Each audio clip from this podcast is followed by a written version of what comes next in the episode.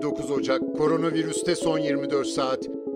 Son güncellemeye göre Türkiye'de 173.210 COVID-19 testi yapıldı. 7.279 kişinin testi pozitif. 129 kişi hayatını kaybetti. Yeni hasta sayısı 670. Hali hazırda toplam ağır hasta sayısı 1751. Aşılama uygulaması ülkemizde 75 yaş ve üzerindeki vatandaşlarla devam ediyor.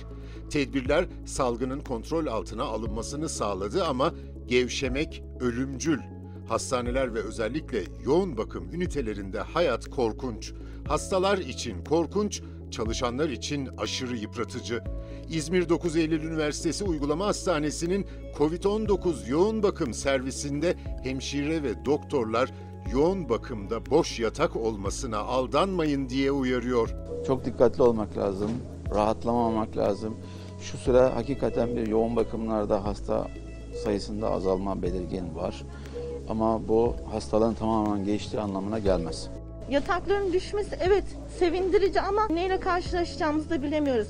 Yani öbür gün tekrar e, bu hasta sayısı ve ağır hasta sayısı da artabilir. Hafta sonu kayak merkezlerindeki görüntüleri görünce ben çok üzüldüm. Çünkü e, evde çocuklarıma sarılamıyorum böyle. E, gerçekten benim ve diğer arkadaşlarım için de çok üzücü. Çok zorlu şartlar altında çalışıyoruz. E, kişisel koruyucu ekipmanlarla e, gün boyu çalışmak çok zor.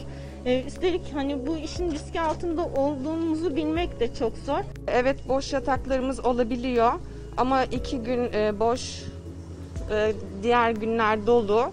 E, yani bu kandırmacaya düşmeyelim.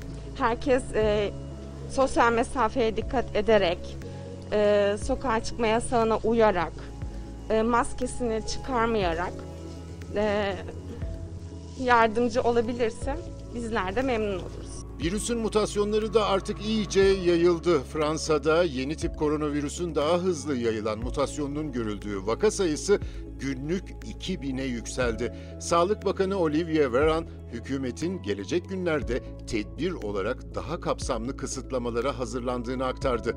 Véran, mutasyonlu vakaların büyük çoğunluğunda İngiltere'de ortaya çıkan ve daha hızlı bulaşan tür, geri kalanlarda ise Güney Afrika'da tespit edilen türün görüldüğünü ifade etti. Romanya'nın başkenti Bükreş'teki bir hastanede çıkan yangında 4 kişi öldü. Ölenler COVID-19 hastalarıydı ve dumandan etkilenmişlerdi. Tedavisi süren 120'den fazla hasta ise başka hastanelere gönderildi. Yangının oksijen tüpünden kaynaklandığı düşünülüyor. Romanya'nın Piatra Neamț şehrindeki bir hastanede Kasım 2020'de oksijen tüpünden kaynaklanan yangında da COVID-19 tedavisi gören 10 hasta hayatını kaybetmişti. Meksika COVID-19'dan kaynaklanan ölümlerde Hindistan'ı geçti. Son 24 saatte 1506 kişinin yaşamını yitirmesiyle ülkede COVID-19 nedeniyle ölenlerin sayısı 155.145'e yükseldi. Dünyada bugüne dek Covid-19 teşhisi koyulanların sayısı 102 milyon 137 bin. Toplam ölüm 2 milyon 203 bin. Bugünlük bu kadar. Hoşçakalın.